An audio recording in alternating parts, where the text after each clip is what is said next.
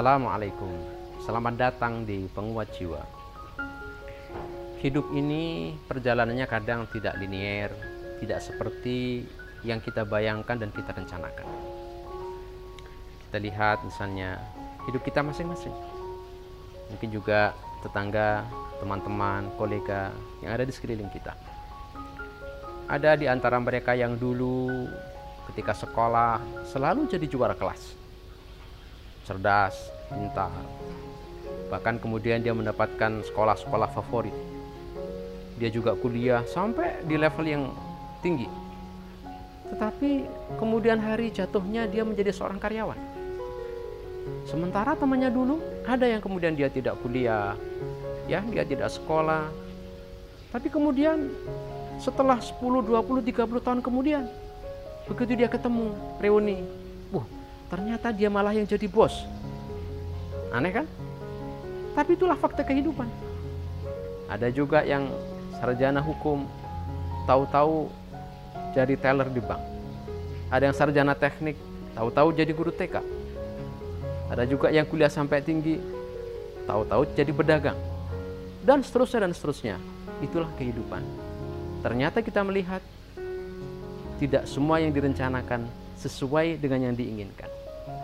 Tidak ternyata tidak semua yang kemudian terjadi itu linier dengan logika kita. Kita lihat kemudian realitas yang ada di sekeliling kita, di sana di pasar.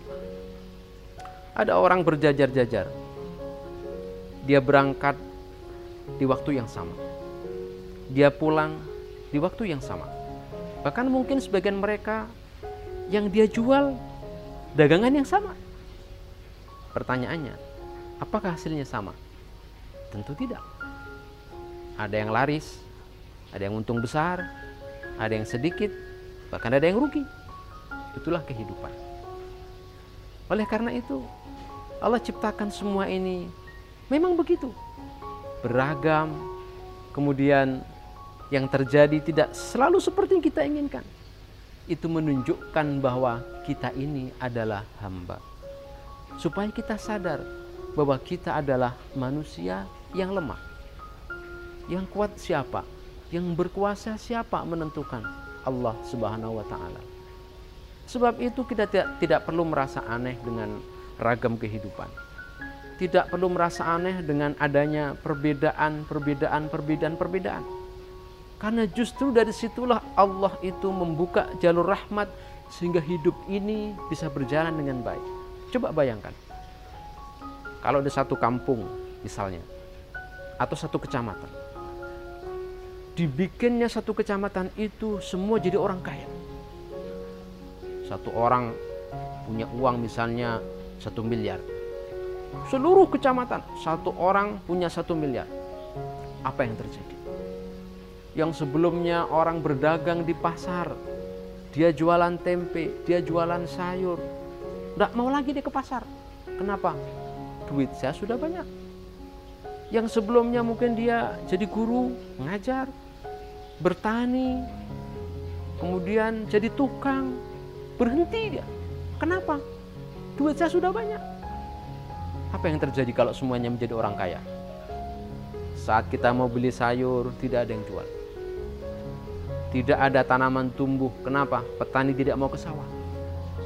Anak-anak tidak ada yang ngajar. Kenapa? Gurunya di rumah semua, semua punya duit banyak. Sebab itu perbedaan adalah rahmat keragaman adalah rahmat. Maka tidak ada yang terbaik kecuali kita menerima dengan ridho posisi kita masing-masing dan mengoptimalkan karena dari jalur itulah kita memberikan rahmat. Yang ditakdir jadi petani, jadilah petani yang baik. Sungguh-sungguh kita dalam bertanam, sungguh-sungguh berikhtiar, dari situlah akan muncul rahmat Allah untuk makhluknya yang lain. Yang jadi guru jadilah guru yang serius. Karena di situlah akan muncul rahmat, kita akan bisa membuat murid-murid kita menjadi anak yang pintar, yang paham tentang posisi kehambaannya di hadapan Allah. Itulah hidup. Dan dengan cara itulah Allah membuat hidup ini berjalan.